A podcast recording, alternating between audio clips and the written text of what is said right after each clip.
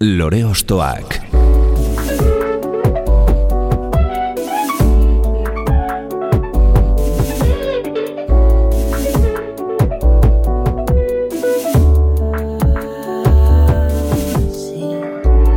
Ekain perezek aurkeztuta, gonbidatu bakoitza lore bat balitz bezala ostokatuko dugu. Jakiteko, zeintzuk diren bere lore ostoak. Haupa, zer moduz, ongietorri lore ostoakera. Gaurko gure protagonista barakaldon jaiozen mila bederatziun da laurogeita sortzian, baino urte mordoaren ostean urruña bere bizileku eta etxe bilakatu da.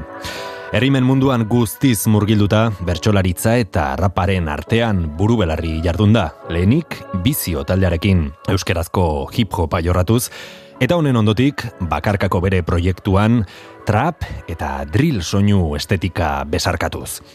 Terapia izena du lehen lan honek eta diskoa irekita emango diogu hasiera gaurko atalari. Hau, lore ostoak da, eta gaurko gure lorea, odei. odei.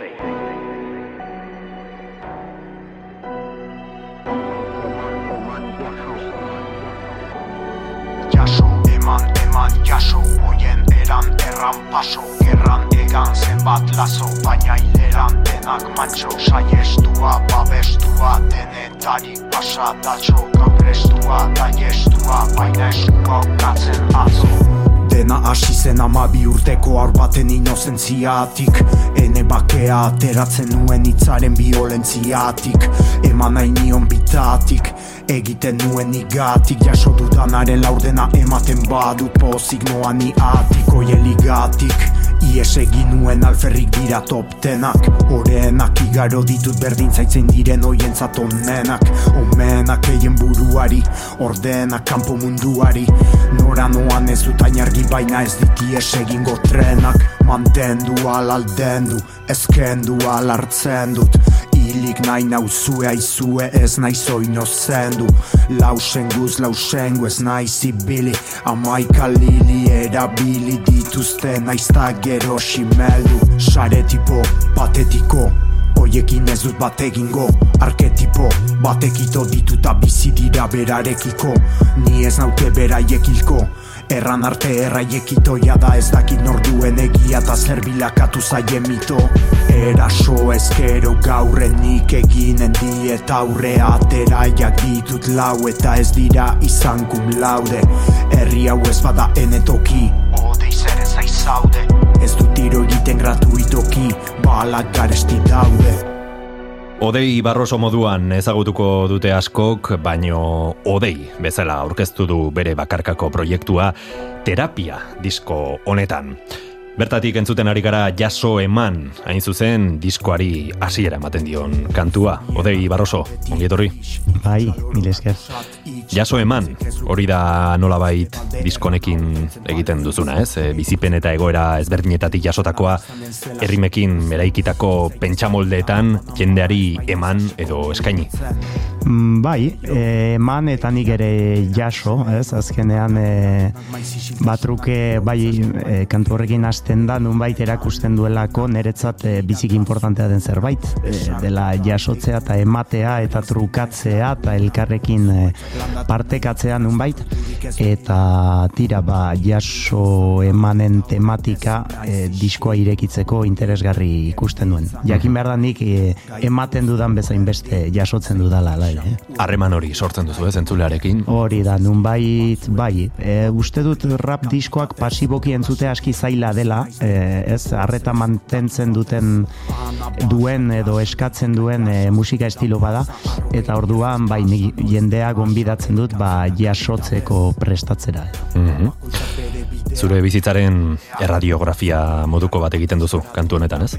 Bai, bai hori da, hasten naiz pixkat nire rapil bilbidea edo ba mabi urterekin zer nola sentitu nuen eta hortik eta gaur arteko ibilbidearen alako errepaso labur bat edo sintetiko bat erranen nuke ez, e, maitasunetik nola amorrutik e, egina eta hitz egina, ba, dena ez delako polita izaten bidean beti e, izan ditut nere komeriak, ba, raparekin eta rapa egiteagatik gaur arte, eta bizkatorren laburpena edo lehen aintzin jasta bat. Mhm. Bizion egindakoarekin alderatuta, esango nuke askoz lan pertsonalagoa dela hau, eta Gainera, soinu edo estetika proposamen ezberdin batekin. E, trap, drill, e, nola definitu beharko genuke zure musika? Bai, ba, rapa, nik erranen nuke rapa dela, ez? Beti galdetzen diate, boom bap, drill, trap, eta nik beti e, naiz eta jakin, ba, azpi estiloiek existitzen direla. Gaur egun uste dut raparen mundua edo rapean dauden azpi estiloak, ba, biziki anitzak, ugariak e, direla, eta pixkat denetarik sortzen dela gaur, ez? Orduan galdetzen didatelarik nik rapa egiten dut. Gero, bat rapa eta drila bai, e, ala deitu nahi baditugu, ez? Ba, ala deitzen dira. Baina, tira, ba, orain arte kontua da pixkat e, bizi horrekin bumba panitz e, egin dugula, edo egindakoa naizela irudisko atera genituen. Bumba new schoola zen, baina bumba izaten segitzen zuen.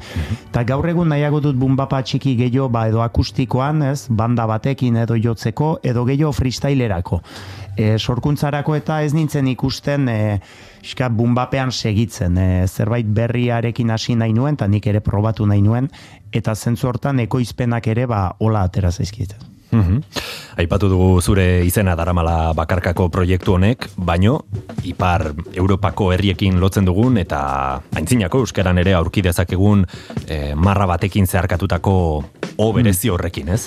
Bai, nunbait zen ere, bo, arrazoit ezberdinak ditu, e, oaren gaineko marrak, e, batetik ba, odei artistikoa edo, ez? E, izate ez nintzen ikusten ere izen artistiko bat asmatzen e, ama bi urte errapa egiten pasata gero. Orduan erraten duen, bueno, ba, odei da naturalena, jende guziak ala deitzen da, utani ala identifikatzen naiz, baina ba, marra hori bada bere izgarri bat edo ba, odei izen propiotik edo bereziki nahi nuena zen abizenak kendu. Ah, bai. Orduan horregatik odei eta bestetik e, jakin behar da badela ziburun, ni bizi naizen eh, eskualdean, e, ziburun, donibane ziburuko talde bat, e, bordaleko beste batzuekin eta tolosa Toulouse aldeko beste batzuekin aritzen direnak eta odei du izena talde horrek. Ez du zer ikusirik, inorez dago odei deitzen denik taldean, baina odei du izena eta ezagutzen ditut, ezagutzen dut taldeko kide bat, Beraz, nintzen ikusten ere, berdin, ber, naiztan ere izena izan, ba, bai. berdin, berdin, e, atxikitzen. Beraz, e, literalki, marra bat jarri duzu, zu e, pertsona bezala zarenaren eta artista moduan zarenaren artean, ez? Hori da, baina nunbait, ala ere atxikiz, ba, identifikagarritasun edo hori. Mm Asko dira, kantu honetan azpimarratu ditzakegun esaldiak, baino horietako bat aipatzearen, e, noiztik masa elikatzen da kalitatez, galdetzen diozu entzuleari, edo, beno, zeharka hmm. baiestatzen duzu, ezta? bai, bai, bada, ez, e, adibidez nio hartu naiz Euskal Herrian rapa ez dela masa musika bat, ez? Gaur egun oraindik ikusten dudalarik, ba, Frantzian adibidez, e, lehen musika dela, nahi dut poparen, regetoiaren, nahi den edozein musika estiloren gainetik dagoen e, estilo bat dela, behintzat ba, entzule mailan eta sortzaile mailan, E, beti harritzen hau Euskal Herrian nolaz, ez? Ez den, ez ez den lehertzen, ez den aintzinatzen eta ba, ba ikusi ditut hainbat eta hainbat taldek ba arrakasta handia lortzen dutela, ez? Eta eta oso ongi iruditzen zait ez da bat ere jelosiatik egindako kritika bat da ohartarazpen bat, ez? E, nunbait nik ez dudala arazorik eta komplexurik e, minoritate baten musika egiten gainera ikusten dudalarik e, guk deitzen diogu musik paspartu denetan pasatzen den musika ba horrekin ez naizela identifikatzen eta askotan masa musika hoiek ba, ba ez ditza ez ezagun pentsa entzule asko duelako norbaitek edo musika mota batek edo dena delakoak ba e, kalitatearen adierazle denik, ez? Beraz, hori hori da azpimarratu nahi nahi nuena Frantzian errapero biziki onak daude ba entzunaldi eta arrakasta gutxirekin, eta rapero biziki oinarrizkoak flow basiko batekin eta lanketa biziki laburrarekin ba, ba lehertzen dira. Ba, ongi hori da jokoa eta onartu behar da, baina jakin behar da, ba, ez dela bortxaz kalitateari loturik, norbaiten arrakasta, ez? Marra bat jarri nahi zenuen hor, oaren gainean bezala. Bai, hori da.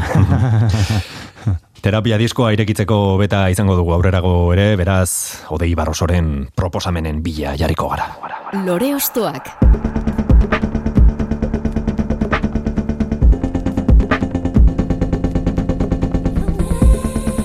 Lehen petaloa kenduko dizugu, Odei, nora bidean jarriko gara horretarako e, be, lumi taldeari bisita egitera gonbidatzen zaitut, zaituztet. Aritza kantua, 2008an atera zuten e, diskoa da, diskotik hartua. Eta iruditzen zaite nortasun handiko talde bat dela, gainera gure eskualdekoak eta ezagutzen ditut ere. Eta beti estimatu dut biziki beraien musika. Iruditzen zaite ba, biziki proposamen originala dela, e, estetikoki gauza askorekin hausten duena, eta eta beraz beti azken aldian egia da initza eh, aipatzen dudan eh, talde bat dela Lumi justu diskoa ateratzera doaz orain bai, ere. Eta eta uste dut ba harreta eta bai harreta jartzea merezi duen eh, talde bat dela. Gertu dauzkazu geografikoki baino baita ere musikalki e, ondoan daramazun talde bat da orain bertan ez? Hori da bai. Bai bai estetika musikal hori eta ba, biziki maite dut elektronika nola hasten duten hoien soinuekin ahotsarekin ze joko iten dituen nahiak, e, manuren trebezia makina analogiko eta digitalekin, modernoagoekin ere bai, e, lan handia dago, e, gibelean, nik sumatzen dut eta, eta beti eskertu dut lan hori. Baldintza aldakorrak gaindituz zutik dirauen aritza aipatzen du abesti honetan lumi bikoak. Zuk ere terapia diskoan kontatzen diguzunarekin nolabait aritza bezala sentitzen zara zure urtaroen joana deskribatuz. Mm, bai, ba, bai, deno gara zuaitz, ez? E, postoak erortzen zaizkigu horbel bilakatzen dira, eta horbel hoiek balio digute biharko ongarria eta bihar elikatzeko. E, uste dut, bai ez, denok dugula aritzetik edo zuaitzetik zerbait, ez? Erortzen zaigun hori berriz jasotzen dugu berria sortzeko. Mhm. Eta bueno, guk kosto hiek ere hartuko ditugu gaurkoan, ba, jendari eskaintzeko musika moduan, ez? Mhm. Ziburu eta Doniban Eloitzune artean sorturiko Lumi proiektuaren 2015eko lehen hartatik entzungo dugu beraz, odeien lehen proposamena. Hau da, aritza. beti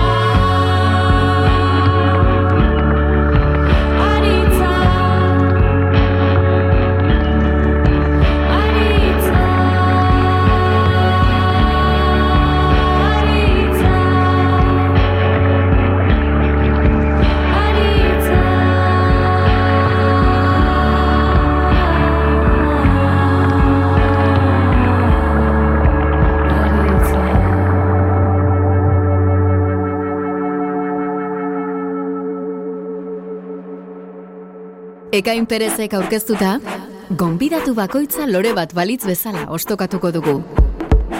Lumi bikoaren aritza entzunda jarri gara odeien pausu musikalen atzetik eta bide horri jarraipena eman nahi diogu beste proposamen batekin. Zer da orain dakarki gozuna? E, bat talde hau berriagoa da, edo mm, duela ezain aspaldi sortu zen, abia, abia da barnekaldekoak dira, baxen afarroa ingurukoak, eta neri talde harrigarria iruditu zitzaidan, bo ez banekien proiektua zutela, entzuna inituen hoien lan desberdinak, e, beste proiektu batzutan egindakoak, baina lehen aldiz e, entzunuelarik e, olerkia kantua, zerbait ere sortu zuen nigan. Ez dakit koloreak duen e, tristeziak, aldi berean indarrak eta edertasunak e, buf, anitz e, ukitu ninduen, behar ba ezagutzen ditu dalako ere, baina bai, anitz ukitu eta ukitzen dauen e, talde bat da abia, e, gutxi entzuteko aukera izan dugu, orain arte, ba, zuzenekotan gutxi dabiltzalako, justu ba, hogeita batean, 2000 hogeita batean, atera zutelnez diska, e, gainera, hainbat tirabiraukan zituzten eskubide kontu batzuengatik, sample txiki bat hartzeagatik, eta bai, sekulako ba, zoritxarrez arazoak eta beranta eragin zien horrek, baina iruditzen zaite lan borobila eta eta entzutekoa bai. Mhm, hori da musikaren magia, zaipatzen duzu zure barruan zerbait mugitu zela, musikak badu, e, bueno, e, gure gorputzera fisikoki eragiten digut, ez? Eta hor sortzen da e, sentsazio bat zure barruan, hori magia da, ez? Azkenean. Bai, da alako magia bat, e, bai magia fisikoa gainera diozuna sentitzen da fisikoki. Mhm eta nik ez dakit esplikatzen ze, ze gertatzen den hor, baina bai, e, harrigarria da. Egia da, ba, batzutan dela doinu bat, batzutan dela soinu mota bat, e, estetika zehatz bat, baina bai, e, musikak zerbait eragiten dugu gan dudari gabe. Mhm. Ari instrumentuz eta hotxe jantzitako abestiak jorratu ditu Lapurdi eta Benafarro artean sorturiko abie irukoak eta gure izatearen sustraietara garamatza nolabait e, animalia naiz eta izeneko lan honek e, agian garen animalia horrekin konektatzera gonbidatzen gaitu nolabait edo mhm. hori da sentitu zenuena Ba, nik sentitu nuen biziki barnera iritsi zitzaidala eta alako e, euforia triste bat eragin zidala, berezia da. Bai, kontraesana e, dirudi, ez? Hori da, bai, euforia ez, aldi, lotzen dugu, zer, baina aldi berean tristetura batekin barnean. Mhm. Eta, uf, handia izan zen e, sentimendu hori, nunbait, e, bai, animalia gara, sentitzen dugun animaliak, ez? Joseba Serriona Indiaren hitzak dira kasu honetan, abia irukoak olerkiak kantuan abesten dituenak. Zuk olerkiak sortzen dituzula esango zenuke edo mugarik sentitzen duzu rapa, bertsoa eta hmm. olerkiaren artean? Mm, bai, nik bai, nik ez dute inoiz erran edo erraten eta erranen e, olerki gilea naizenik, olerkaria edo ez nik ez dut olerkirik egiten, naiz eta agian horren kutsua izan.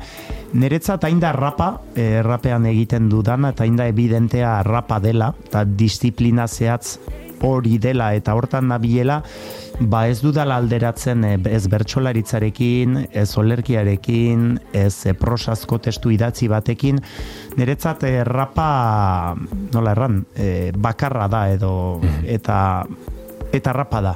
E, izan dezake ikutu poetikoa, izan dezake ikutu gordinagoa ez dakit, baina rapa izaten segitzen du niretzat. Sortzen dudanean idazten eta e, bai, sortu ditut olerkiak eta ez ditut berdin sortzen, eta sortu ditut bertsoak eta ez ditut bat ere berdin sortzen. Orduan beti diot niretzat rapa, rapa dela. Badaude elementu batzuk aman komunean, baino e, gauza bakoitzak bere, bere bidea darama, ez? E, bai sorkuntzatik eta bai e, kontzeptu aldetik, ez? Hori da, bai, bai, bai, e, hori da, bakoitzak du bere, bere eskola, edo eta bai. bere egiteko e, modua, puntu aman komunak zalantzari gabe, bai, errima, hizkuntzaren erabilera, bera, ez? E, hitzekin jolastea, hori dena badu rapak eta hori dute ba bertsoak rapak olerkiei egintzak ba aman komunean baina hori puntu aman komun batzuk baina era bat e, disiplina edo desberdinak.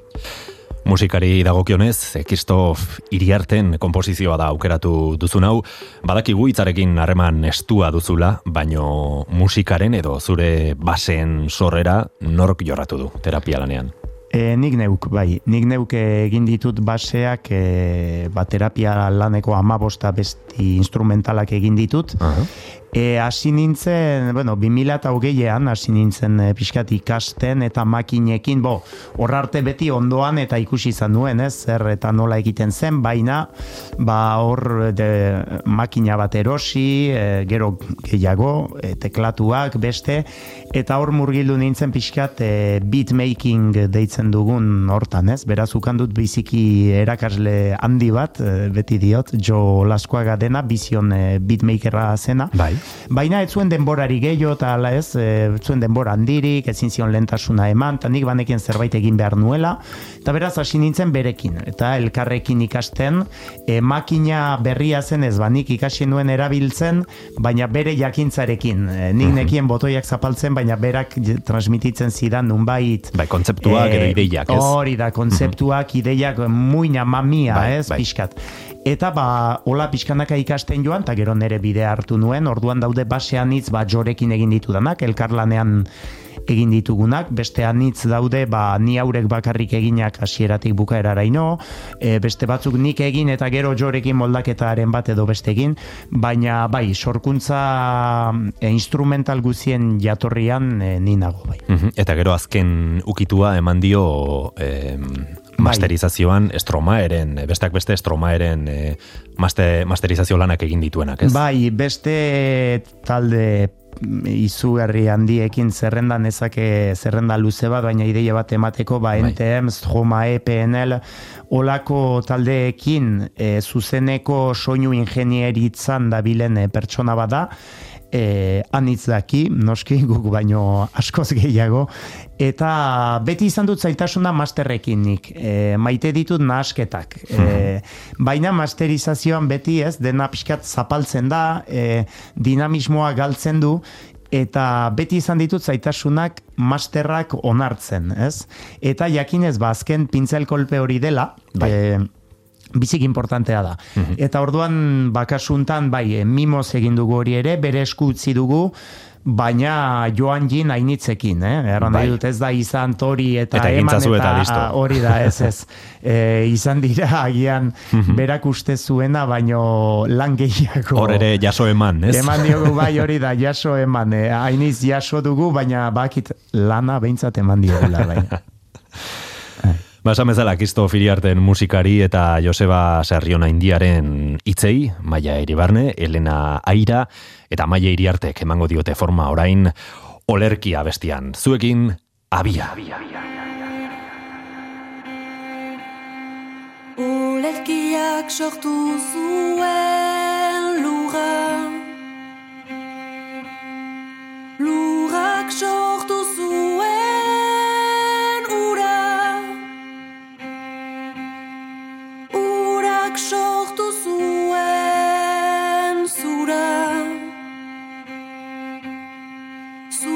Zurak sortu zuen hostoa.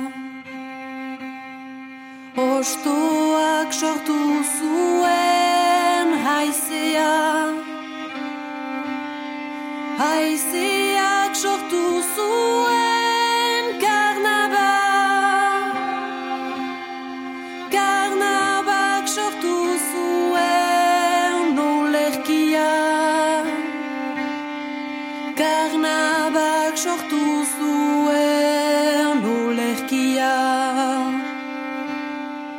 Trundele, trundele, trundele, trundele, trundele, trundele, trundele, trundele.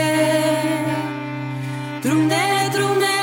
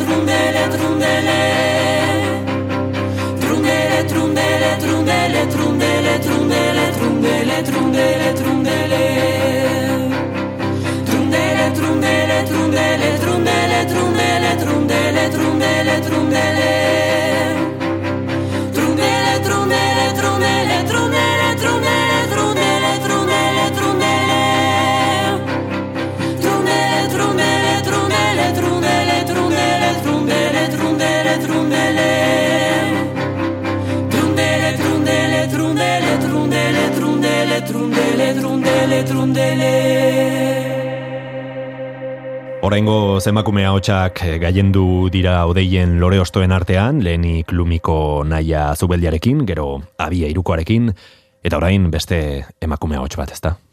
Mm, Bai, orain anari, anarirekin heldu naiz. E, beti maitatu dut anariren unibersoa, e, biziki uniberso iluna da, behintzat hitzetan, ez? Eta badu hau e, nere musika ere iluna dela erraten didate, tengabe nila ez dut ikusten iluna denik ere, baina hori erraten didate. Eta bai, beti maitatu dut anariren unibersoa eta hitzek e, duten pixua ba, beste musiketan ere bai, ez? Eta uste dut anari horren adibide ba, e, ezin hobea dela, ez? E, hitza eta musika zein batera joan daitezken eta zein urrun iritsi daiteken mezu bat e, musikaren laguntzarekin eta musika bati ze kolore emandakioken e, hitzen bidez, ez? Eta uste dut ba nari oreka horren erakusle bikaina da dugula eta hemen ba bai aingura egodunak e, kantua zebra diskotik ba nitzen nuen diskoa garaian eta oroitzapenak ere ekartzen dizkit eta orduan bai anarik badu eh, anitza nere, nere ibilbidean eh, momentu desberdinetan agertu den eh, artista da. Mhm. Kontzeptu ederra da hori, eh? Aingura egodunarena eta horrekin batera gorantz erortzearena. Hori da, bai, nola ez, e, arrainak azaleratzen diren, eta bai, halako jokoak ditu e, biziki urrundua, gainera arretaz entzutekoa, eta irudiak egin egin behar dira buruan bere hitzekin, eta buf, zoragarria iruditzen zait hori. Mhm. Ideia eta pentsamenduak paperera eramateko prozesu horretan maixu da anari. Em, zure kasuan, errimekin lan egiten duzunez, zer da ohikoena? Lehenik esan nahi duzuna pentsatzea, edo errimek gidatzen e, zaituzte esan nahi duzun horretara? Bai, galdera ona. Ba erranen nuke denetarik e, denetarik gertatzen dela nere buruan. E, batzutan esaldi bat dut eta hori sar, sartzen dut edo hori Mhm. erran nahi dut. Eta batzutan ba esaldi horren errimarekin beste joko batzuk e, sortzen noa esaldira iristeko edo esaldiarekin abiatu eta baina hori zailtasun badu esaldiarekin abiatzen zirelarik bukaera indartsua nahi duzula orduan horri bilibari izaten naiz e, jolasten.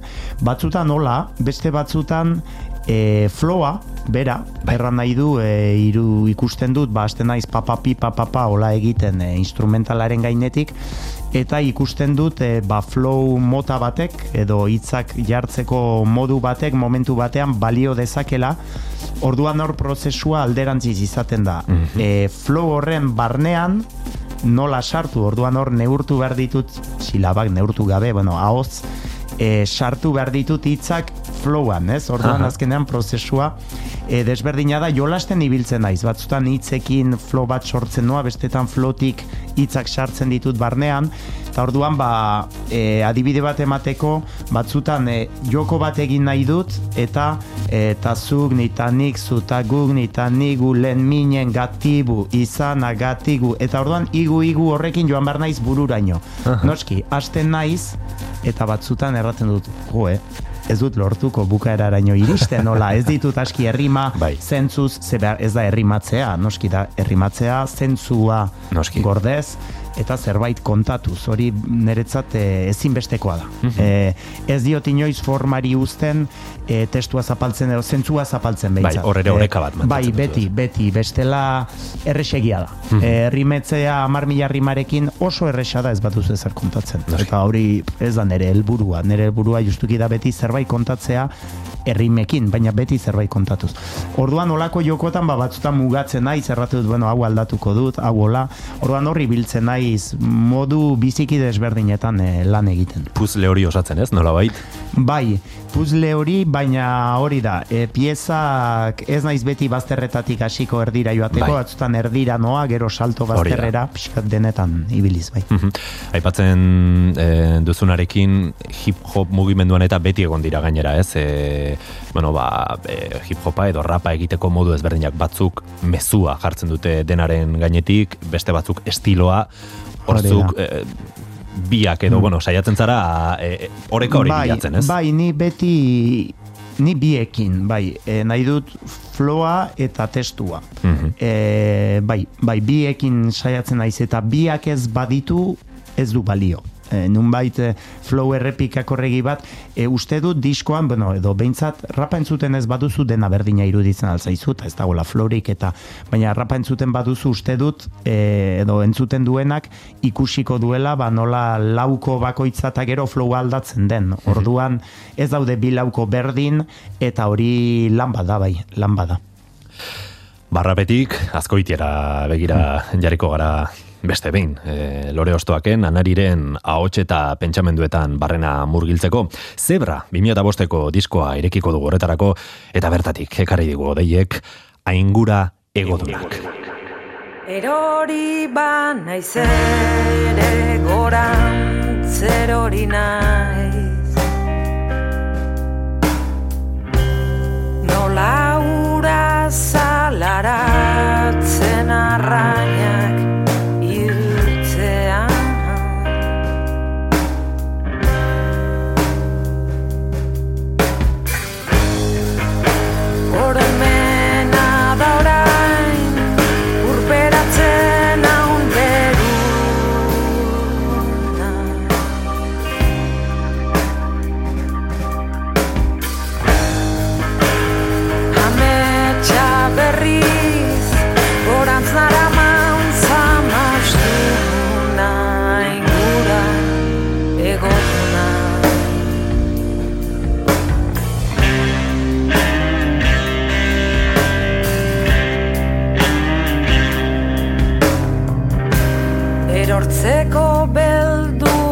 garelako usten diogu elkarri.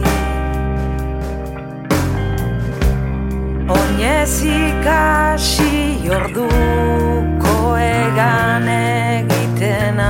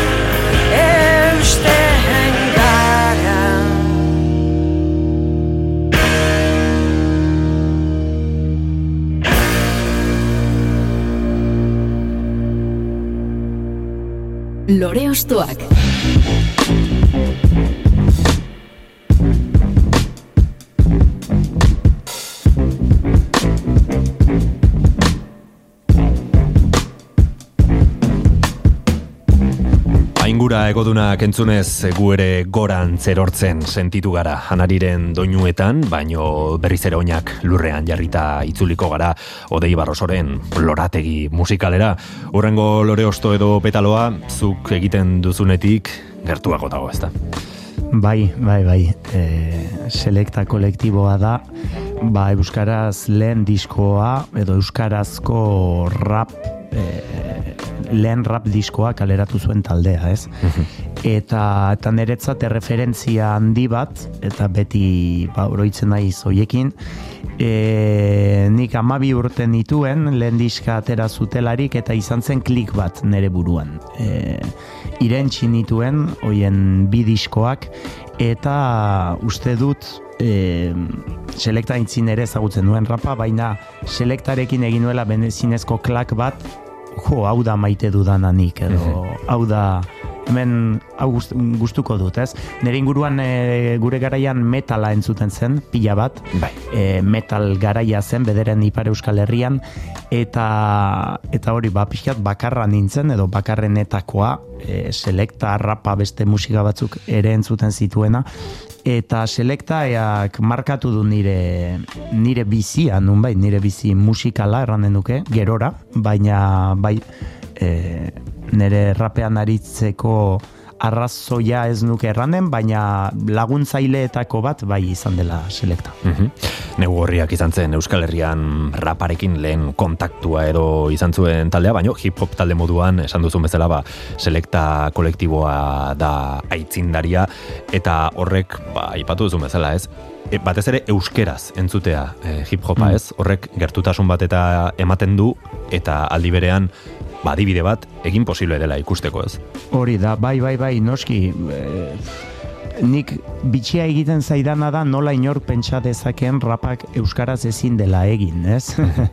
e, rapa egin daiteke inglesez, frantsesez, espaio eta euskaraz ez, e, no, zergatik, bai. ez? Baina E, norbaitek pausu hori eman behar zuen, Baina norbaitek egin behar zuen, eta berezik uste dut e, hizkuntza baino e, kode asko zeudela hausteko edo ez, edo mentalitate itxi anitz irekitzeko garai batean, e, eta horregatik gabiltzain berandu erranen nuke rapari begira. E, aski mentalitate itxi haukandugulako nere ustez herri bezala, ba beste musikei begira, elektronikari, beste kutsu bat e, zuten musikei begira, ez? Eta garaian ba hau ez da gure estiloa erraten zen. E, nik galdetzen dio dana edo nahi niokena jende horri da ez da kitzea punka guk asmatu dugun Noski, edo, bueno, edo folka. edo folka, bera, bai, bai, e, e, gitarra, triki, berdin zait, Bai. e, ez da guk askatu matutako musika bat, orduan hau ere ez, eta ba, kostatzen zaitu lertzea zergatik hainbeste denbora eman duen, baina bai, selekta kolektiboa izan zen lehen adibide garbia behintzat rapa euskaraz egin zitekela. Mhm. Eta oraindik ere euskaraz rapa entzutea mm, hainbeste urte igaro ostean ez da ohikoa, ez?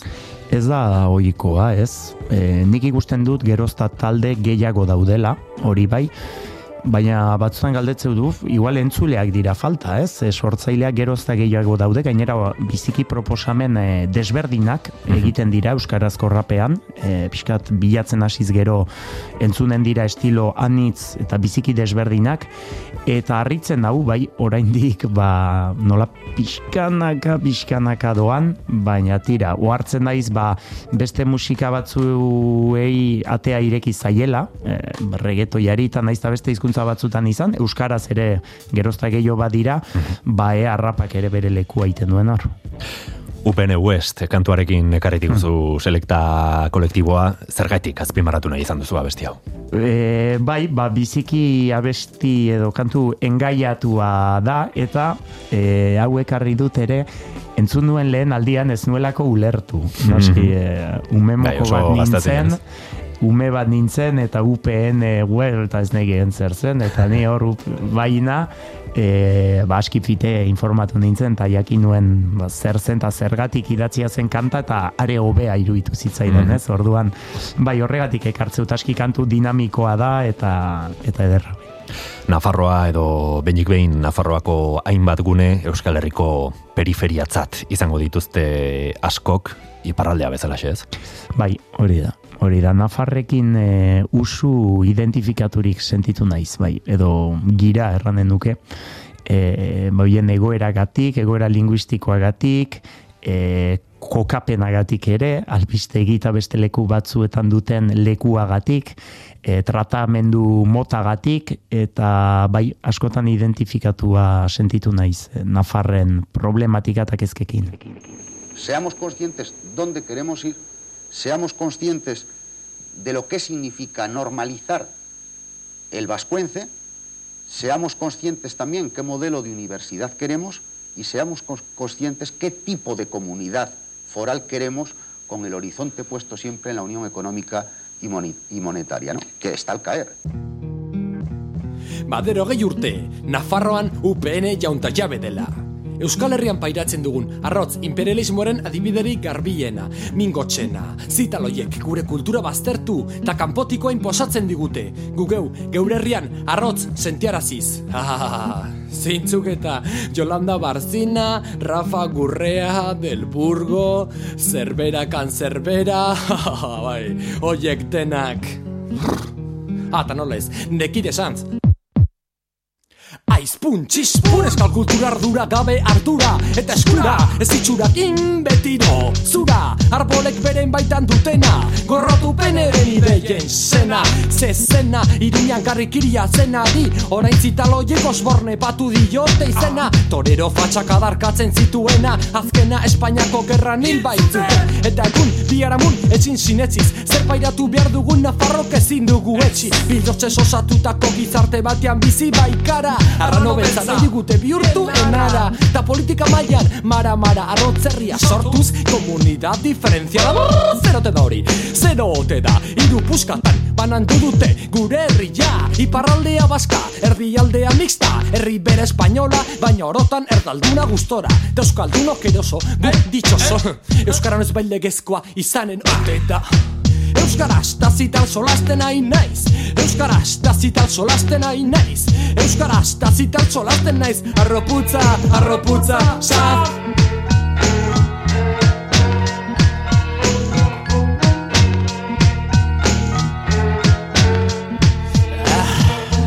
Arroputzik zitalenak UPN-eko burkide, Espainiako orkide oiek denak Legi arrotzak, haien esku, dirua haien sari Haien bidegabekeriak denon marmari Da gure orkari nagusi izanik Haien laido eta isekak pairatu behar Beti haien ganik eraso Baina gu erasotzaile Poliziek torturatu naute jaun epaile Ah, gaiztua zara, gaiztua Nafar.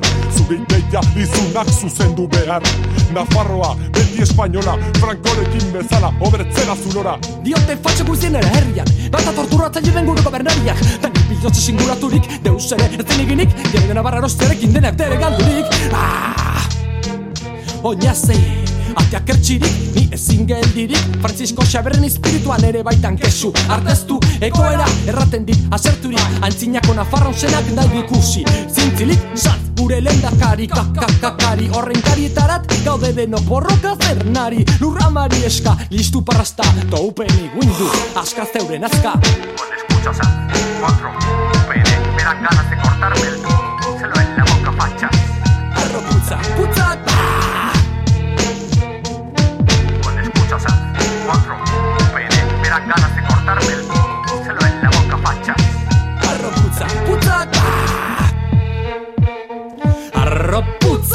Oiek denak, ia nafarron erenak Bere du ikurriña zerbait natural dena. Gure historia horbila, gure bihar urrena. Erren, errena, utzi du UPNek Zeinek, delburgo, zeinek, aizpunek Zeinek, ukatuko du uka ezin dena. UPNek, beti berdin, gezur urrin Gaiztua dario haien politikari. Eta ari eta ari, sukaldeko altzari oro bezala. Beti geldo, baina gure energia xautzen Ez dala, anitzek ezpala soilik dakusa. Baina arbola hor dao, den dena maeden jusa Europako alderdi popularra, jezazpi FMI Ezberdinak dere geruzan, baina mamian berdin. Ah, zertitalak, kapitalista denak.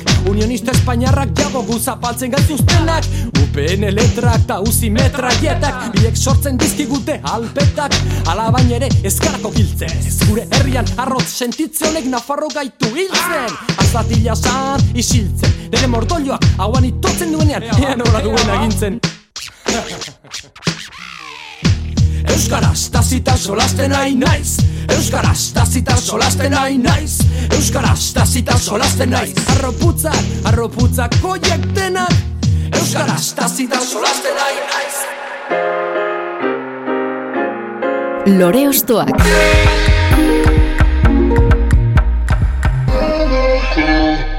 Bez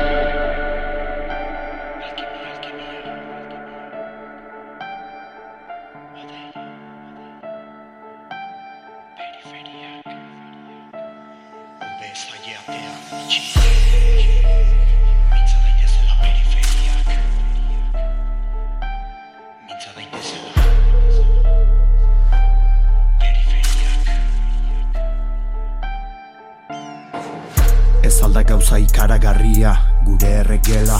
Ez alduzu uste denik larria, ola banatzea pastela. Anzten gaituzte ez da berria, badakigutak itela Iduri luke Euskal Herria bidasoan bukatzen dela. Etikaz, musikaz eta politikaz aritzen dira ardilarruz jantzirik. Handikerietan txikien hitzak maiz ez du izaten garrantzirik. Aspalditik euria ari du zer gira ari Ongi dakigu Euskal Herriaz mintzo zaizkigu zazpitatik irua antzirik. Ei, ei, zergatik bi alde, denei egin aldikute galde. Zer da iparralde, iru lurralde daude orotara zazpiala. Sei, non ditu mugak idatzi, marrak ebatzi, galde egin gabe. Estereotipoz ez jantzi, etzazu antzi, hemen frantzin ez zaude. Ardure zarago airera doaz balak.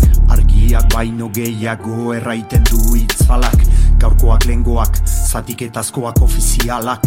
Baina ez aldira handiagoak ditugu mugamentalak. Ete beri begira, aski argi da, nun jokatzen den partida. Teleberrian gure hauteskundeak laugarren albistea dira. Oldartu onartu baino nola heldu naiz ni onaino. Egozentrismo hitza atxerekin idazte daino Erdigunean begiak. Bazterrak eta egiak. Txikiak txiki egiak.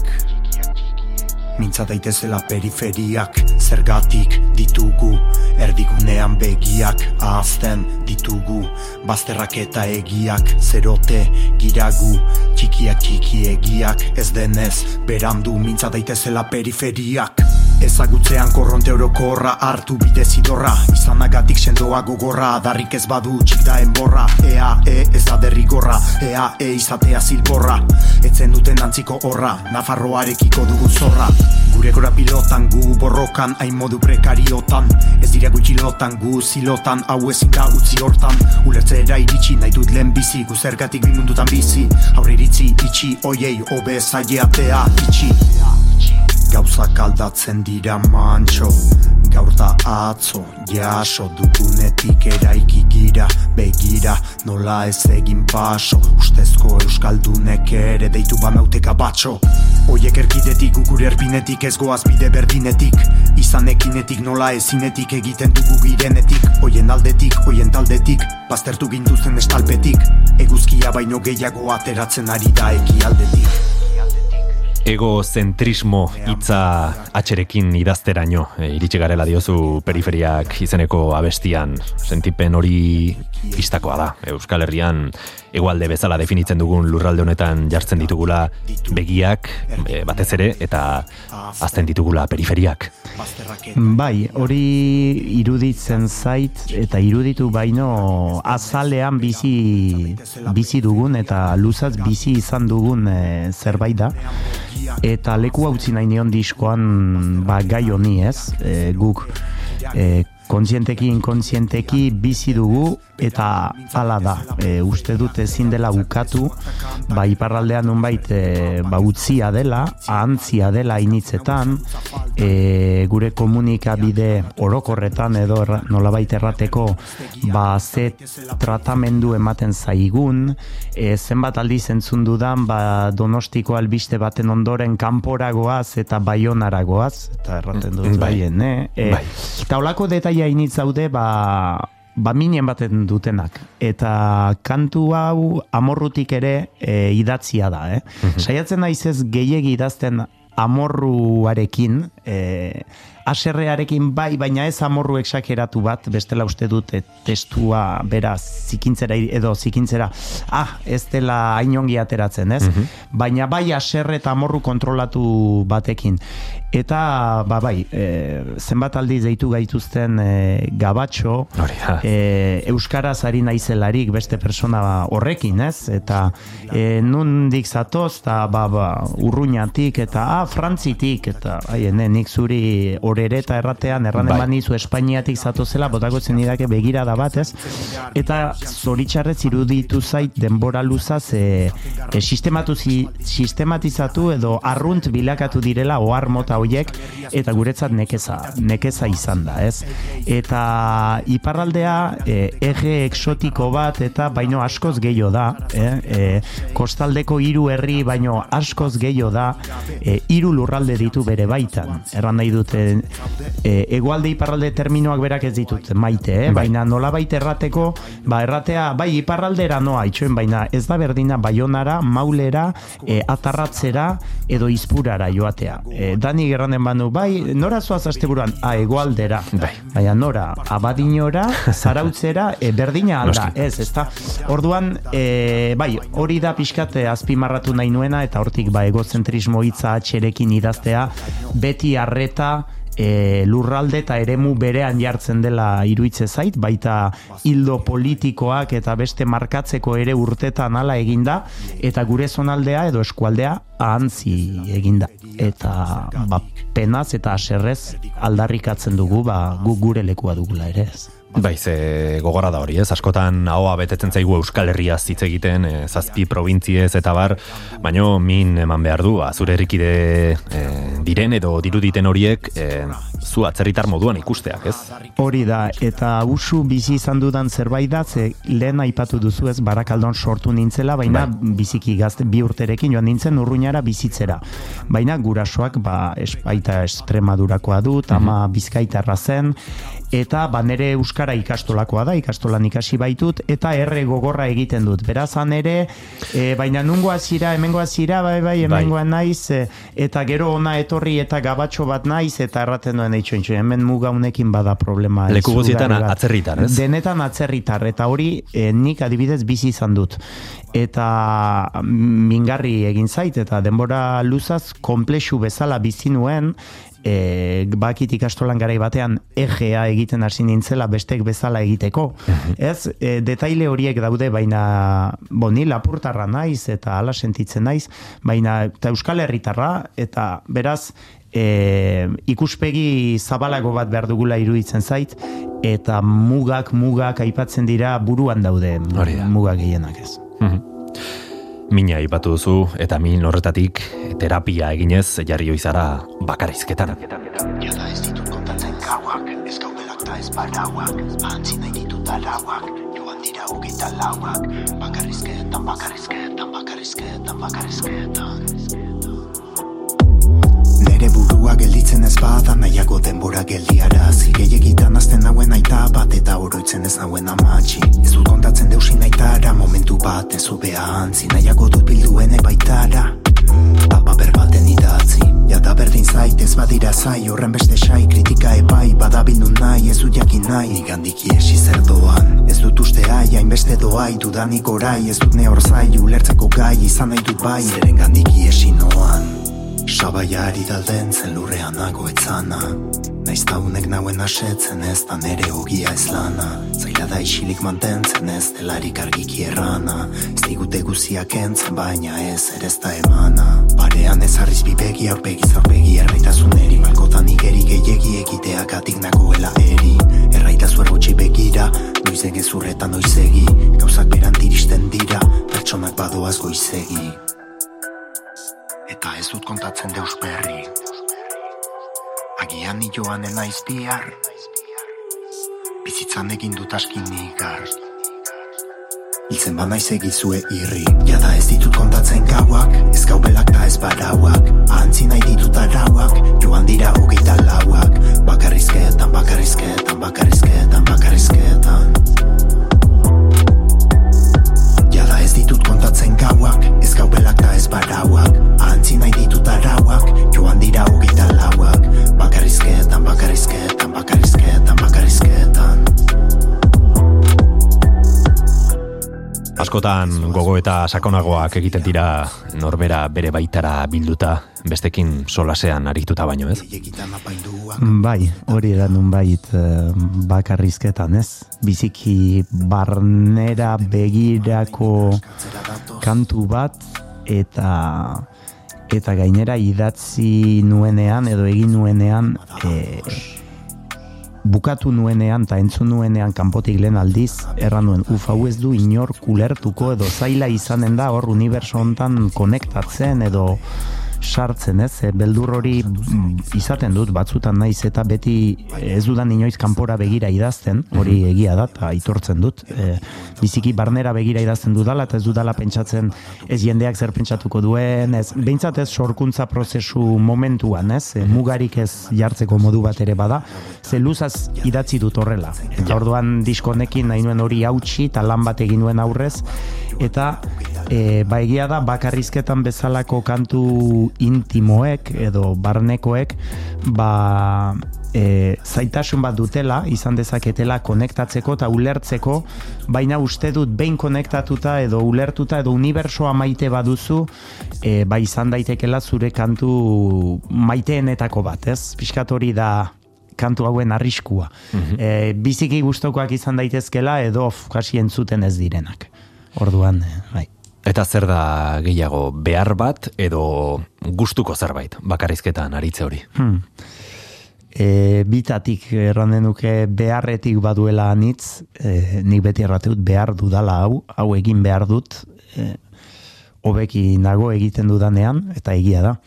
E, baina bada ere bai, e, behar bat eta nahi bat, placer bat, e, nunbait beharrak asetzen direnean hobeki sentitzen gara eta placer bilakatzen dira, beraz, e, bien artean ibiltzen daudena bai.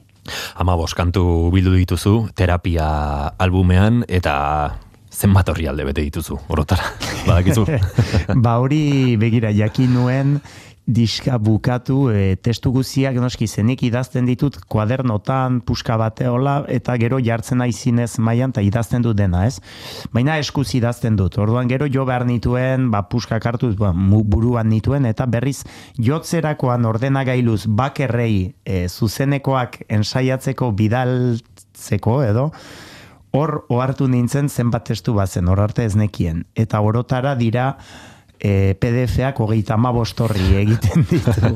Beraz, hogeita amabostorriko PDF bat dago amabost abestitan. Bai, ze kantuetan normalean hitzak laburragoak izan ohi dira, baino Bai. rapean asko dago esateko kantu bat osatzeko garaian. Ez bakarrik betelan moduan, baizik eta formatua horrela delako eta asko esateko dagoelako, ez? Bai, bai, bai, rapak hori du eta nik hori da maite dudana. E, beste talde batzuentzat ere idazten dut, galde egiten didatelarik, eta talde desenterentzat idazten ditut hitzak eta beti biziki trinkoa eta mugatu mugatua edo iruditzen zaitez rock talde batentzat edo ze silaba gutxi zeleku Bai. gutxi dagon. Oso Er, konprimitua egon behar du denak, ez, mezuak. Hori da oso konprimitua eta horrek idazkera mota batera Bai. e, bultzatzen zaitu. Eta rapak horregatik lehen nion ez dela olerkia, ez dela hain da bakarra, hain beste testu idatzi gainera librea da, nahi duzunean herrimatzen duzu, e, librea da, baina bere eskola du ere, eh? Bai. hori da, eh? kodeak errespetatzen ez badira, nik ez dut maitez, e, uf, ez, ez rapa, edo nasi egia egiten zait. Baina, bai, e, ados naiz e, horrekin ere, bai, hitzek hoien lekua dute rapean, eta asko dago esateko. Mhm, Bai, batzen duzu modu batean librea dela naiz eta eskola bat egon, hori bertxotan e, mugatua dago agian, ez? Mugatuago. Bai, askoz, bertsolaritzan bertsoa horrela egin behar da, arau batzuk daude, eta araututako disiplina edo ariketa bada, ez? Errapa ni dakitala ez du inork arautu. Arautu dute, ba, kode pixkat universalek edo Bai, nuke ez, bai, denontzako logikoa denak arautu du rapa. E, bertsolaritza ez, ez bortxaz, ez? Eta oraindik bertxotako grin hori e, baduzu? Mantentzen duzu? Mm, Bai, bai, bai, bai, bai, badut. Ze bertxotan ari naizenean improvisatu zari naiz eta rapean idatziz. Naiz eta freestyleak eta rap improvisak eta saioak ere egin, baina aski gutxi, ze gutxi gaude hori, gutxiago gaude hori egiten. Orduan, ez, bertxotan segitzen dut, baina plazan. E, erabaki nuen aurten da Euskal Herriko, izanen da Euskal Herriko bertsolari txapelketa, eta ez, izena ez dut eman, naiz eta nere lekua nuen, erabaki nuen izena ez ematea, ba, ontan zentratzeko eta honekin bide, bidea egiteko. Mhm. Eta selekta kolektiboa Euskal hip hoparen aitzindari izan bazen, aipatu dugu baita ere, ekarri dizkiguzun beste hauek izan zirela raparekin harremanetan jarri ziren lehen eh, Euskal taldea.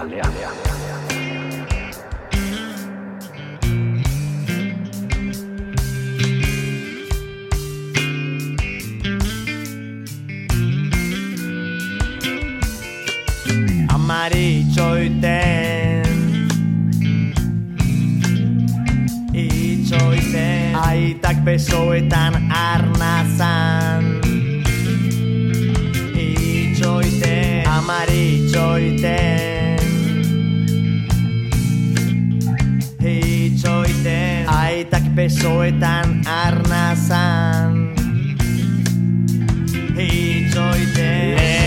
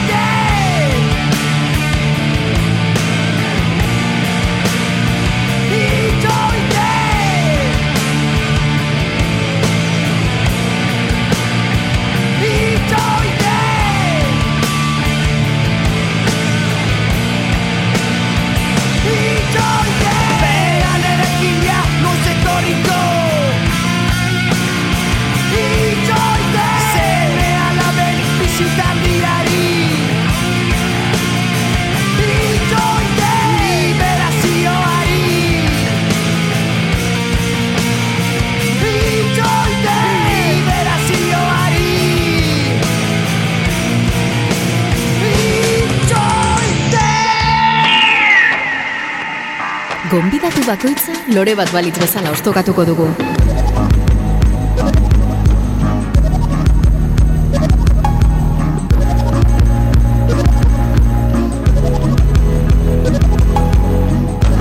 Bizitza osoa itxoiten daramagula sentitu izan dugu noiz edo noiz denok, datorren ari, ez datorren ari, etorkizunari, eta ezin hobeto azaltzen du ideia hori Fermin Muguruzak, e, negu horiaken itxoiten kantuan, zuk ere, bizi izan duzu sentsazio hori ez, beti itxoiten zaudela. Bai, e, biekin bizi naiz, e, gauza nitzen zai, eta beste batzuk gainetik pasatzen zaizkidala, ez? Orduan, bai, e, beti itxoiten kantu e, markatu ninduen, entzun duen e, lehen aldian, e, entzun nuelarik ez bainekien negu gorriak zenik, e, eta e, gero berehala askifite, baina identifikatu nuen, eta desberdina da, neguk e, dituen kantu gehienekin erranen nuke, eta balde desberdin hori maite dut talde batek eh, ez bere bidean doa eta ba es, gehiegi bere ohituretatik pixkatak ateratzen delarik eta beste zerbait proposatzen duelarik naiz eta beti negu izan eta nabaritu e, justuki beste zerbait egitea ez? Eta kantu honek e, anitz e, unkitu nituen ninduen eta negurekin ba, badut alako ba, historia anitz maite nuen nik negu eta anitz entzun dut gaur egun ez dut askorik entzuten baina E, bai batetik ba, lehen aipatu duzun hip hoparekiko lotura ez? Horrekin Ferminek egin duen lana zentzu hortan ba, beste talde batzuekin ere bai. Eta e, adibidez selekta kolektiboarekin e, justuki nik e, gaztetan ikusitako lehen kontzertuetako bat izan zen.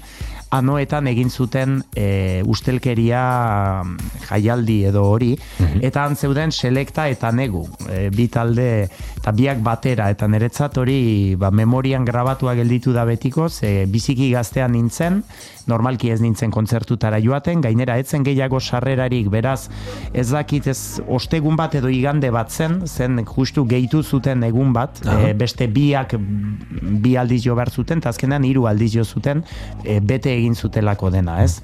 Eta bai, memorian geratu zaidan e, egun eta garai bat da eta neguk badu bere partea hortan. Bai, eta Fermi Muguruzak esan duzun bezala e, beti babestu du nolabait e, musika beltza orokorrean eta kasu honetan hip hopa, ez? E, beti izan du ba, horrelako feeling bat, ba, elen, e, hasieran ba, Public Enemy eta horrelako taldekin eta gero ba, hemen sortzen zen edozein mugimendu antzekori ba, bere babesa emanez, ez? Ba, selekta kolektiboa bera, Afrika, Biban eta bueno, e, bestelakoak, ez? Hori da, bai, bai, e, hori da eman dituzun bi adibideak, e, batzun sistemekin ere. Hori da. Eta ba, ni, nik harremana dut e, Ferminekin, eta adibidez ba, gonbidatu gintuen bizi horekin ere bere biran e, bizpairu kontzertu eman genituen berarekin, E, bai, guri ere beti bal, lekua edo nik dudan harremanetik at uste dut ere ba, diozuna ez, musika estilo honekiko beti danik izan duen jarrera eta konpromesuagatik ba, ba lagun on bat izan da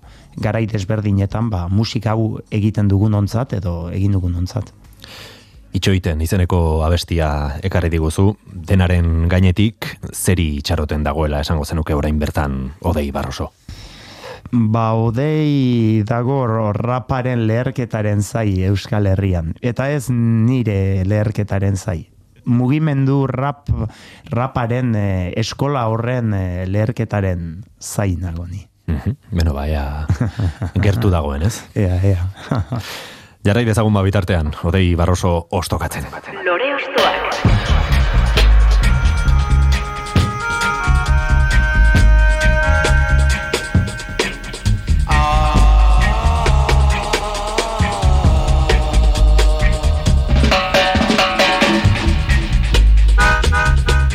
Fermin Muguruza eta konpainia bidasoaren irungo alde horretan utziko ditugu eta jarrai dezagun zure bizitzan zehar azpimarratu beharreko euskal kantuetan barrena. Zer da orain proposatuko diguzuna edo ze, zure bizitzako ze etapa e, bizitatuko dugu? Bai, orain e, banere gaztarora e, joanen gira parasmaren ez ditugut gustuko kantuarekin e, parasma, ez da, guzti orain arte entzun dugunaren dugunarekin edo beze desberdina, E, baina hau da bukanuen garai bat, balen aipatzen genuena ez, nik e, amala urte inguru nituelarik e, nere inguruan beti metala entzuten zen eta metala zen musika nagusia edatuena deno geunden metal aldizkariak erosten e, kamisetak janzten algenuelarik urrengo festival edo kontzertu baterako gurasoi baimena eskatzen eta nere gaztaroko parte handi bat markatu du metalak. Mhm. Eta metalean, beraz, ta metal talde bat izan duen ere lagun, lagun batzuekin. Eta, eta bagarai hortan parasma, biziki maite nuen, niretzate talde referentetako bat zen, eta horregatik ekarri dute gaur. Eta ze kanturekin ekarri duzu? Bai, ez ditut gustuko kantuarekin. Mhm. Egia da, ipatu duzun hori ez, sekulako lerketa e, izan zen garai hartan, niri ere tokatu zait, ba, generazioa aldetik eta bizitu nuen aurrez aurre, eta nola esango zenuke zela garai hartako odei?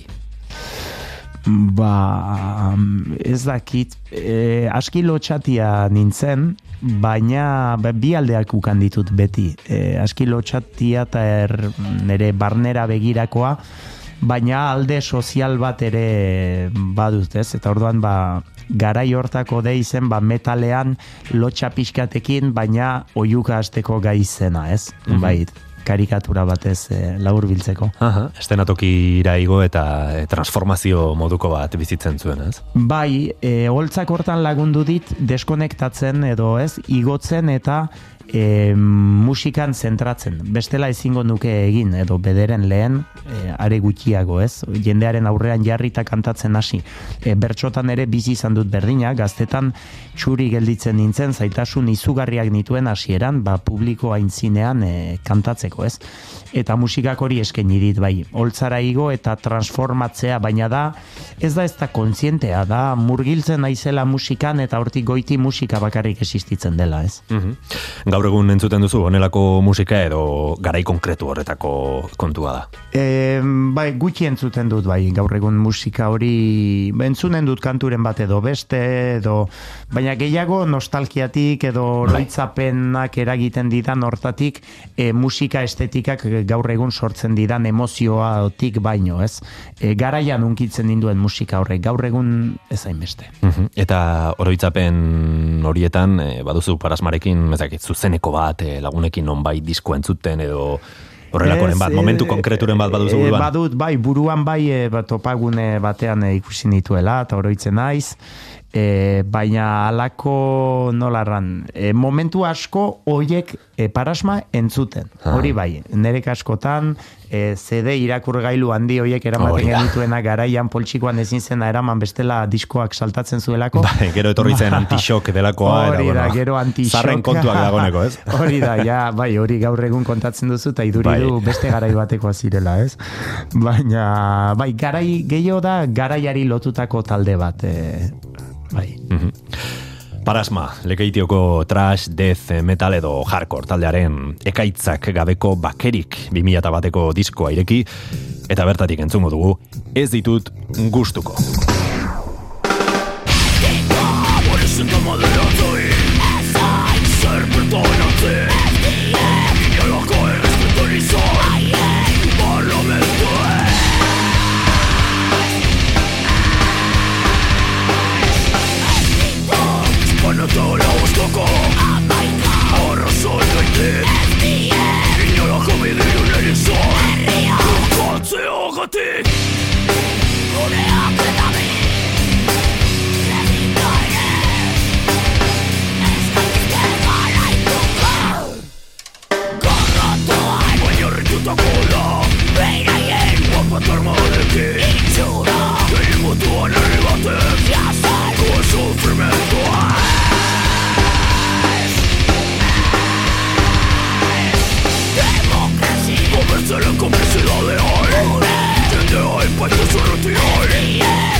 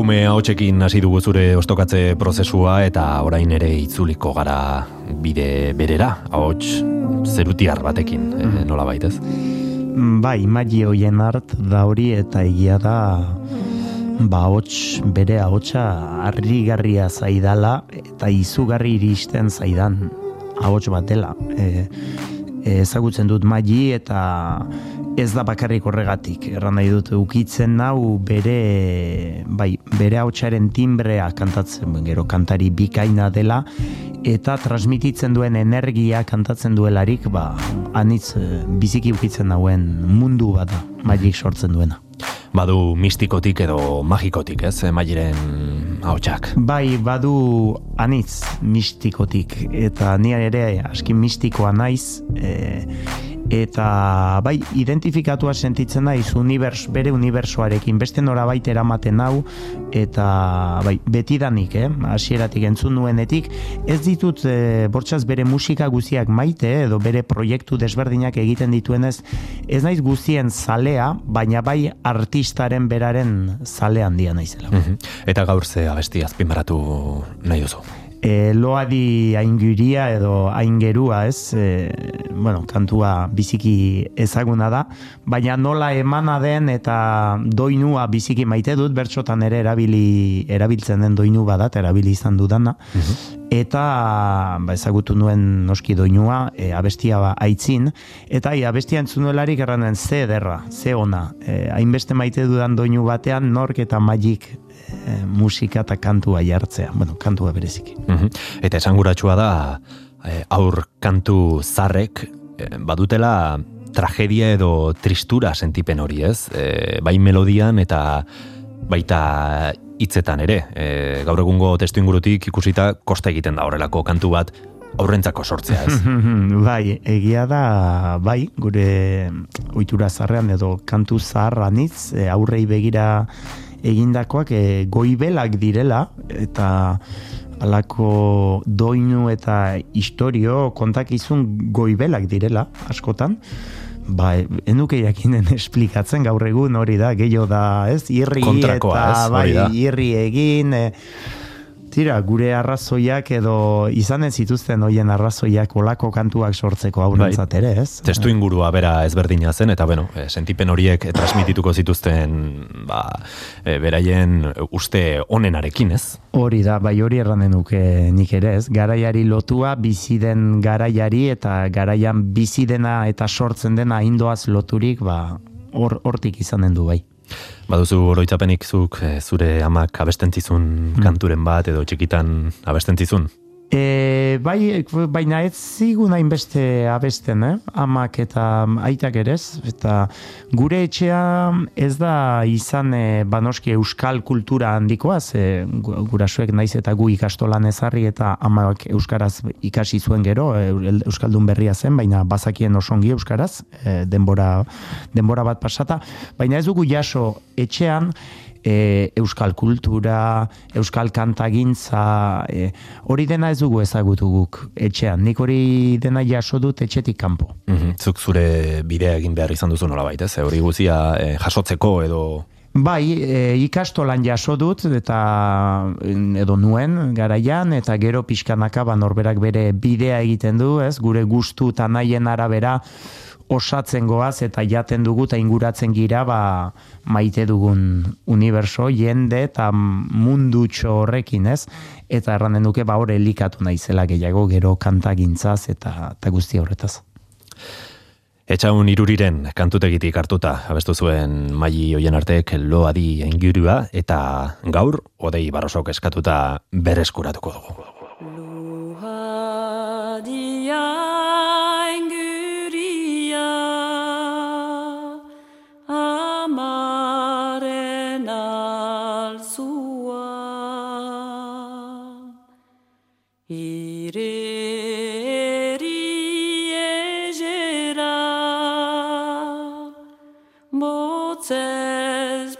Sokua Asol bilan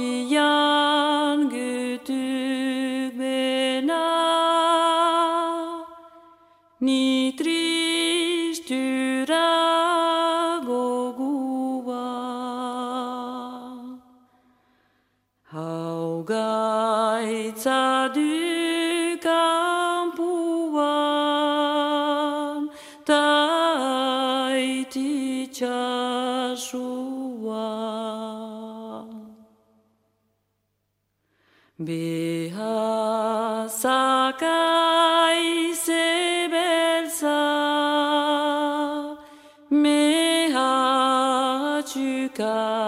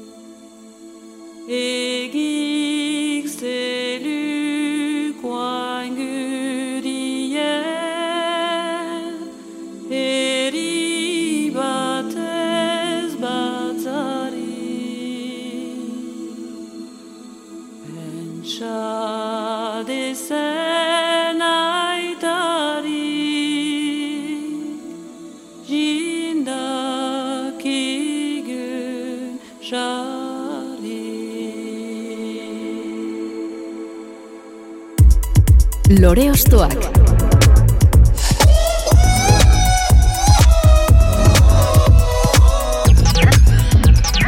Zahartzen goazen einean geroz eta urrunago geratzen den amaren goxotasun edo gertutasun hori bereskuratu dugu nolabait maili hoien artean loadi enkirua ederra entzunez eta e, iparraldean edo bueno, nola definituko zenukezuk guk beste aldea edo iparraldea deitzen dugun hori.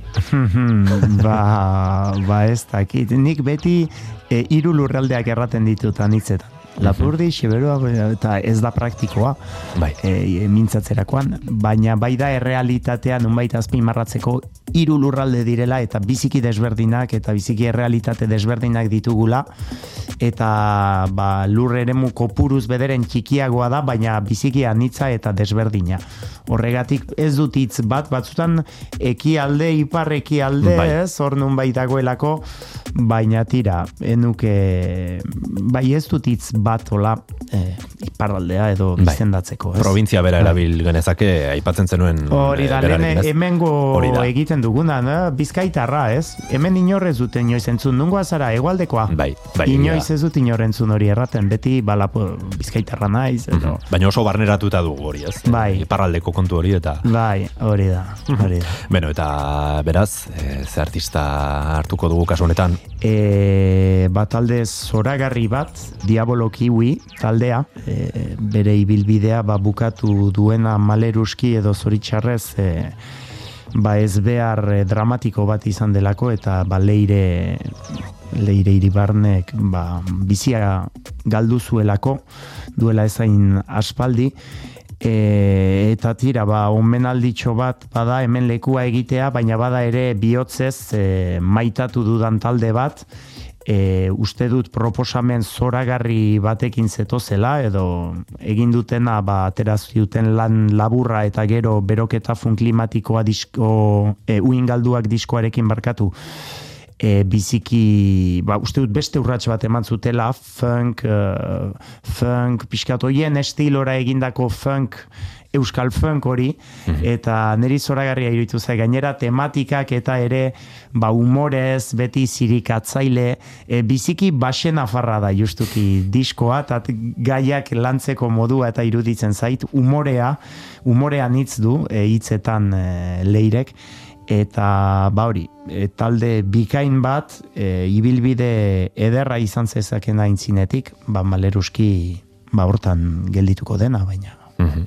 Lehen aipatu dugu abia irukoan maia iribarren, Bai. eh, beste hainbat proiektutan ere dabilena, eta bere aizpa leire da hain zuzen, ez? E. Diabolokiuin entzun dezakeguna hotxa. Bai, hori da, aizpak dira biak, ez? E, maia iribarne abian ari da, eta leire ari zen e, ba, diabolokiuin, eta biek hauts zoragarria dute, bi artista handi dira, eta ba hori, Ipar Euskal Herrian hiru lurraldetan e, ezagutzen dugu elkar gehienok, ez? Beraz, egia da, ez ditu dala berriz diot ekarri ezagutzen ditu dalako edo hurbilekoak direlako, eh? ekarri ditut artista zoragarriak iruditzen zaizkidalako eta bai, e, ba hori, maia, maia eta aizpak, e, aizpak dira, ziren, eta eta diabolo, baina hori bai, diabolo kiwiren indarra eta nortasuna e, azpimarratu nahi nituen ekartzearekin batera. Bakarizketan abestian aipatzen duzu, gauzak berandu iristen dira, pertsonak badoaz goizegi. Ez? Bai, nere inguruan ere, ba, etxean, familian, guk ama galdu ginuen goiz, eta e, ba hori bai, pertsona goizegi doaz, eta gauza asko berandu iristen dira, ez? Nunbait, ba, diskoan zehar eta nere testutan e, dolua eta galeraren gaia edo biziki presente dago e, idazten dudanean ba, etortzen zaidan zerbait delako ez eta minetik edo pena hortatik anitz e, sortzen dut ez Mhm. Bizitzaren prezioa hori da, ez? E, hil Bai. beharra. Baina zoritxarrez batzuei azkarek iristen zaie zor hori kitatzeko unea. Eta, bueno, e, horrez gain, aipatu duzu, ez? E, Diabolo Kiwik, ba, musikalki oso proposamen originala, e, bueno, ez dakit, esan egiten zuela, edo ez dakit, dagoeneko utzi duten, edo bukatu den Eh, beraien ibilbidea, jarraituko duten, edo Bai, ez dakit ez zertan dakit, den, ez? ez dakit segituko duten ala ez, horregatik ez naiz Bai, ausartzen baina, bueno. eh, gehiago erratera, Bai, bai, ez, bai. ez baitakit, egia da gero leirek zuen e, funtsezko leku eta ekarpena egiten ziona taldeari, ba, Bai. Mhm. zaila izanen ezinezkoa dela, ez, ordezkatzen, orduan ez dakit, e, soberaz egiten eginen duten, baina hoien proposamena bai dela originala eta biziki berezia. E, funk asko entzun dut nik ere, e, baina hau bai hoiena da.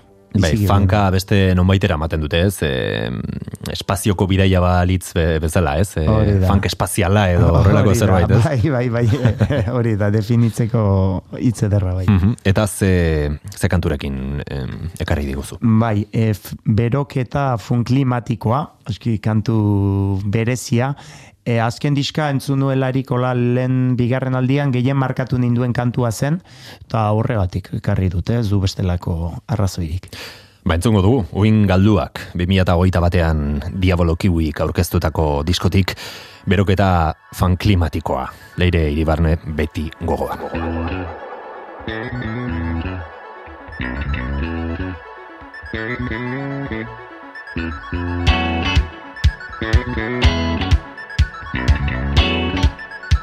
Mm-hmm.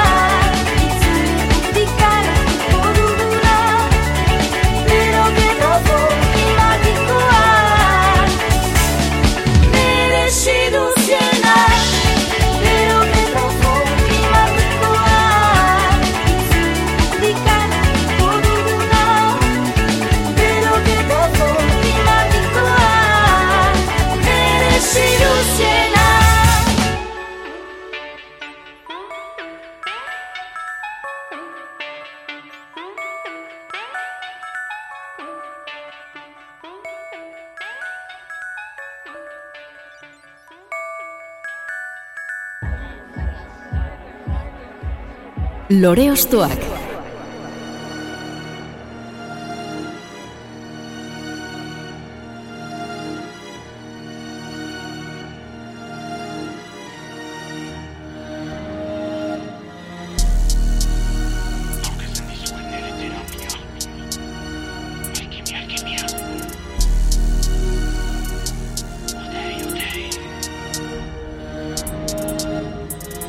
Drila da euskaraz jantzia, begira ni ez naiz jankia. Hau baten, jaten ematen ez diran jakia. Itzak zenbakiak nik, ez dakit zenbatia. Zergatiak sortu dizkite bakiak aurkezten dizuet nere terapia. Badut askilaino eta ekaitz nere barrura begira. Ez dakit beti nabilen gara izan berandu da hemen goizegida Ere maiz gaitz bilakatu dut ene desira. Ni errateko pres naiz, entzuteko prestat dira. Erabakiak erabaki, bakoitzak bere karga daramaki. Ta biozun gizaki bat izaki ni ere egiten naiz bizati Dudati nabila, lubaki bila, mila aldiz errandio taio. Usu mintzo natzaio, entzun ezin hauen bati Irekitzen dut azala, nahi dunak dastan azala. Itzak bala balira bezala doa zala, aldunak segiditzala Maiz da presio eta obsesio, zer den tradizionala. Ez nahasi alienazio eta anistasun kulturala. Eta oraindik nola ala? Ez da ordainik normala. Ez da orainik orbainik nahi dudala Baina hobeki azteko nik uzia bota behar dutala. Ez uste, zerupe honetan oronen imusu truke. Guke, bertute gutxi dugula erranen nuke. Ez jakintzuta ez ilustre, zintzotasuna urte zurte. Gukitzak idazten ditugu eta hitzoiekin irakurtzen gaituzte. Bapa, drila, trapa, aberasten ari zaigu mapa. Bimila hogeita bata bada data. Alta, hogei urteko beranta daukagu jada berandu data. Baina kanta, ez da dina hots berririk falta Odeiren terapia diskoari izan ematen dion kantua da hain zuzen entzuten ari garena. Haze hitz eta mezu jarioa kantu eta orokorrean diskonetan eskaintzen duzuna odei. E, noiz murgildu zinen raparen munduan. Ba, rap munduan erranen nuke, ba hori, selektatik horrasi nintzela idazten gauzak, e, gauza desberdinak sortzen puskaren bat hemen, beste bat hor, e, kasete zarretan ziren bukaerako instrumental libreak zeuden hor, eta hoien gainetik kantatzen, hola hasi nintzen ni rapean saltxeatzen, eta gero ba duela dozena bat urte edo ba, bi, bizio taldea sortzea erabaki ginuen. Baina hori izan ze gehiago urrats ofiziala edo, baina lehenagotik banen bilenan hemenka ba, gauzatxoak idazten eta Frogak egiten, ez? Frogak egiten hori da. Gero etorri zen aurrera pausu hori e, biziorekin, eta bueno, pentsatzen dut, polita edo, bueno, e, esperantzatxua izango zela, norbaitekin topo egitea, ba, hip hopa gustuko duena, edo ez? Hori nola, nola, nola Bai. sortu zen e, bizioren e, Bai. komunidade hori edo? Bai, berezia da, ze hori da. Etorri zitzaidan jo, justuki lehena aipatu dudan lagun eta kidea, e, festa batean, hola erdi bero, ba, e, odei, e, zera, entzun dut Mac taldearekin egin nuen, Ah, bai. bera ibili zen Mac taldean, hasieran, bai. hasierako Macen. Gero Macek berak utzi eta beste batzuk ere utzi zuten, eta Macek segitu zuen ala ere, eta bigarren Mac hortan edo e, parte hartu nuenik kantu bat e, egiten. Mhm. e, Jonek, Jonei erabide zen kantaria, e, bazekien ba, rap zerbait idazten nuela hola eta errantzidan. Aizu, ingo dugu, a, ados, eta hori izan zen lehen rap kantu argitaratua makekin egin nuena. Jok hori entzun zuen, Eta orduan galdetu zion Joni, baina nor da hau, eta ba, begira hau daude, eta zera, eta orduan hortik ziburun festa batean gero, etorri zitzaidan gau batean, eta bota zidan. Aizu, nik instrumentalak egiten ditut, e, eginen dugu zerbait, rap talde bat euskaraz eginen dugu zerbait, eta hola hasi zen, eta, eta gaur arte. Hola sortu zen. Hola sortu zen, bai. Bai, babes bat da, e, erran izan dut beste elkarrizketaren batean, e, zein bidia ematen didaten gaur egungo gazteek, ez? E, kuadrilla guziak entzuten du rapa, Bai. e, den hortan daude, eta nik hori ez dute izan, eta jorekin ezagutu, hasi nintzen hori ezagutzen, eta ederra da, bai, izatea inguru bat ere, zurekin batera gauza pasio edo berdina partekatzeko, ez? Mhm. Lehen aipatu dugu bakarrizketa, terapia praktikotasunean ia, ia sinonimo izan liteke ez. Mhm. Bai, bai, bai, bai, bai, bai. E, beti dio, nik te- terapiak bai e, balio dit, honek hortarako, honek egiten didan zerbait da, e, gehiago gutxi landu beti ordudan zerbait, eta tira, ba, parekatu edo ez, baina bai bide hortatik doa bai. Agian, e, bueno, jendeari aurrez aurre nola gauden edo zer sentitzen dugun esatea zaile egiten zaigu askotan eta bide bat izan hori da, ez? E, musika, ba, musika bidez hori transmititzea edo hor- horma hori apurtzea. Bai, eta erran izan dut eh, hain zuzen horixe ere, ez? E, nola niretzat barrapa nola erran e, balio balio didala niri e, eta besteeri, baina e, erra, hitzez bestei errateko gai naizen, e, gai ez naizen barkatu gauza hainitz errateko gai naiz batestuetan eta rapean. Odei Barroso nahikoa da lan honetan bere burua guztiz biluzteko, baino hemen hainbeste sakondu gabe, e, kanpoko petal horiek kentzen saiatu gara, eta beno, lortu dugula esango genuke. Odei Barroso, eskerrik asko lore ostoak era etortzegatik. Bai, mil esker zuri. Zorte hon. Bai, mi esker. Eta zuri entzule besterik ez, mila esker betiko moduan beste alde horretan egoteagatik, odeien terapia entzunez, bagoaz, ondo izan, eta urren arte. Dago naintzunik, ez erran honek zentzunik ez dunik. Airera doan esputnik, batek bezala mugarik ez dutnik Barka ez badutu bertzen tutik, baloreia txikita xutik Garaiari heldu nahi diote eskutik, kritikan azatela lehen testutik. Badut askilaino eta ekaitz nere barrura begira. Ez dakit beti nabilen gara, izan berandu da hemen goizegida Nik ere maiz gaitz bilakatu dut ene desira. Ni errateko pres naiz, entzuteko prestaldira Drila da euskaraz jantzia, begira ni ez naiz jankia Hau da azken baten, jaten ematen ez idan jakia. Itzak zenbakiak nik, ez dakit zenbatia. Zergatiak sortu dizkite bakiak aurkezten dizuen nere terapia